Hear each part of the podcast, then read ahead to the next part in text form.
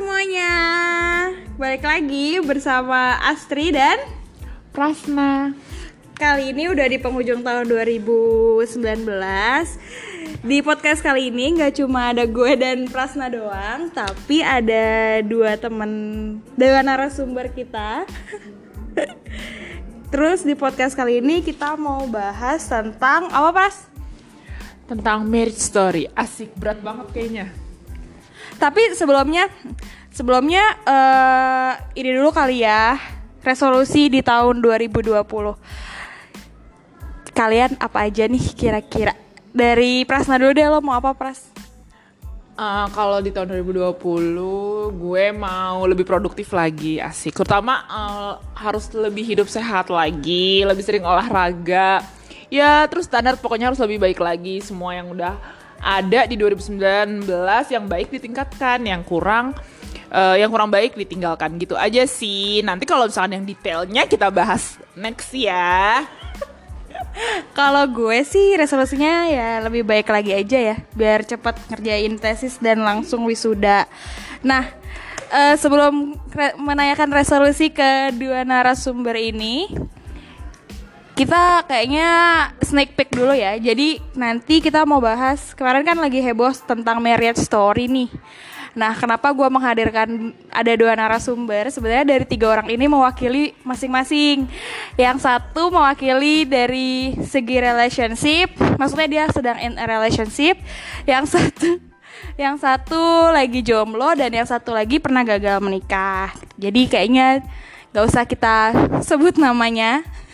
Nah, baru deh langsung ke narasumber pertama yang sedang in a relationship. Resolusinya apa? Hai, apa nih? Gimana nih? Resolusi di tahun 2020 apa nih? Resolusi 2020 resolusi gue adalah eh, nggak punya banyak resolusi, tapi gue pengen nggak terlalu banyak to do list, cuma lebih eh, lebih disiplin aja sih setiap harinya. Less postponing things gitu, lebih dikit menunda-nunda pekerjaan aja, tapi nggak perlu banyak to do list aja gitu. Oh, I see. Kalau yang satu lagi? Eh, kalau gue eh, standar ya kayak tadi pembawa acara cie yang punya ini kayak Asti sama Prasna Eh, jadi lebih baik lagi sama ya hidup sehat. Nah, ini kan masih pada belum menikah ya. Kok nggak ada resolusi untuk menikah sih? Kenapa? Kenapa nggak ada resolusi untuk menikah dari kalian bertiga? Dari siapa dulu ya? Prasna dulu aja deh. Gimana apa ya? Kenapa kenapa nggak ada resolusi untuk menikah di tahun 2020? Oh iya lupa disebut. lupa disebut ya. nggak nggak ada sih kayak gitu kan ada pasti.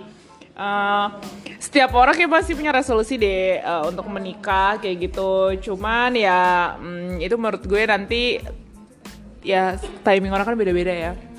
Resolusi sih ada ya semoga aja insya Allah bisa terlaksana di tahun ini. Amin. Kalau lo nih yang udah punya pacar, kenapa tidak memasukkan resolusi? Kenapa nggak memasukkan resolusi untuk menikah di tahun 2020? Gue aja. Eh kok tahu sih gue udah punya pacar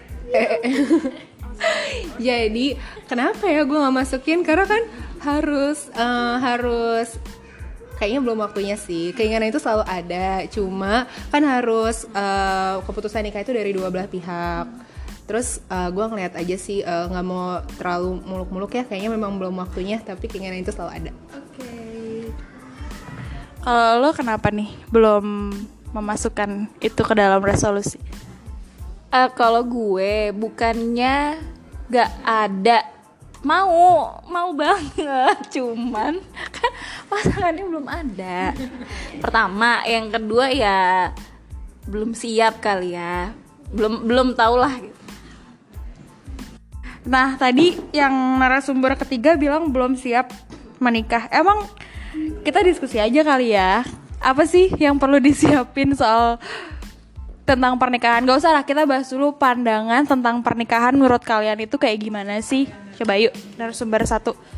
Oke, kalau pandangan gue nih ya, eh, jadi pernikahan itu menurut gue itu tuh suatu keputusan yang eh, itu kan buat seumur hidup ya. Jadi tuh itu bukan keputusan jangka pendek dan gak bisa diambil eh, dengan cepat gitu loh maksudnya. Kalau apalagi kalau misalkan uh, lo belum nemu orang yang tepat, jadinya menurut gue pernikahan itu yang benar-benar perlu di- dipikirkan matang-matang karena kan semua orang pasti pengen menikah seumur hidup kan sekali seumur hidup jadi ya nggak boleh sama orang yang salah dan nggak boleh di waktu yang salah menurut gue itu sih pertimbangannya Sekalian aja deh. eh, menurut lo pernikahan itu menakutkan atau bahagia yang ada dalam pandangan lo sekarang? Eh, karena di sini kan kita belum pada pernah menikah ya. Jadi kalau pandangan banyak sih kalau misalnya teman-teman gue, kebanyakan mereka bilang bahagia kok, tapi nggak banyak, eh nggak sedikit juga yang bilang ya emang pernikahan tuh nggak semudah itu. Maksudnya lo setelah akad itu tuh bener-bener baru kehidupan yang sebenarnya dimulai gitu loh. Jadi bukan berhenti pas pada saat pernikahan itu pas ada resepsi, tapi itu justru awal dari semuanya. Kalau yang gue tangkep sih ya pasti selama lo punya partner yang bisa saling menguatkan, asik. Segala sesuatu yang sulit itu bisa jadi lebih mudah. Iya. Nah, menarik nih kalau punya partner yang menguatkan. Sekarang kita bahas dari segi yang punya partner nih. Sebagai yang punya partner, pandangan pernikahan itu kayak gimana gitu. Terus menurut lo yang udah punya pasangan nih, kan udah ada partnernya. Pernikahan itu menyeramkan atau bahagia?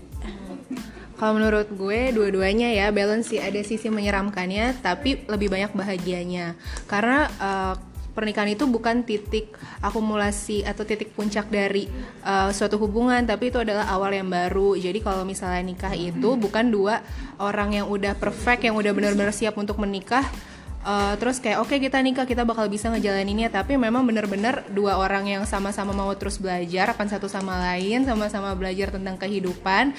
Dan uh, itu suatu proses yang terus berlanjut gitu loh. Jadi pasti ada sisi menyeramkannya tapi di lain sisi juga uh, banyakan bahagianya dong karena sekarang lo ngejalanin hidup itu berdua gitu. Dan uh, salah satu yang paling menyeramkan adalah ngomongin soal komitmen sih. Yep. Ya.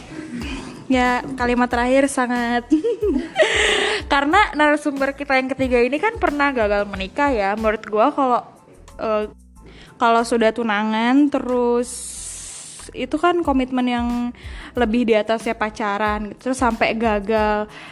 Itu kan menyakitkan banget. Kira-kira untuk ke depannya pandangan tentang pernikahan kayak gimana nih?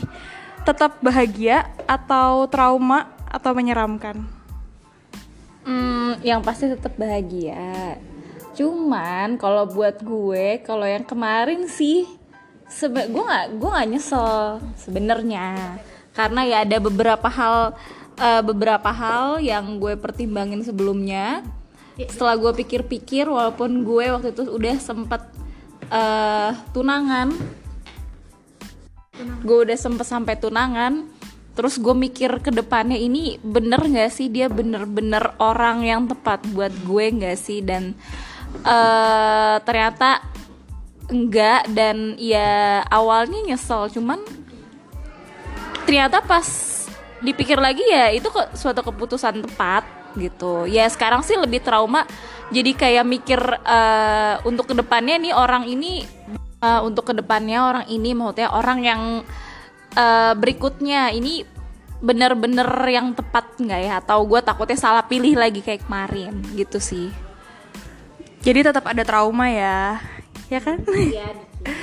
Eh, berarti untuk sebagian besar baik yang udah punya pasangan, jomblo ataupun yang pernah gagal, eh, sama ya punya pikiran menyeramkan tentang menikah, tapi juga ada angan-angan yang bahagia tentang menikah. Sekarang kalau misalkan tadi kalau yang lagi in relationship deh, apa sih yang bikin takut dari pernikahan? Ya itu tadi udah sempat gue bahas dikit tentang komitmen.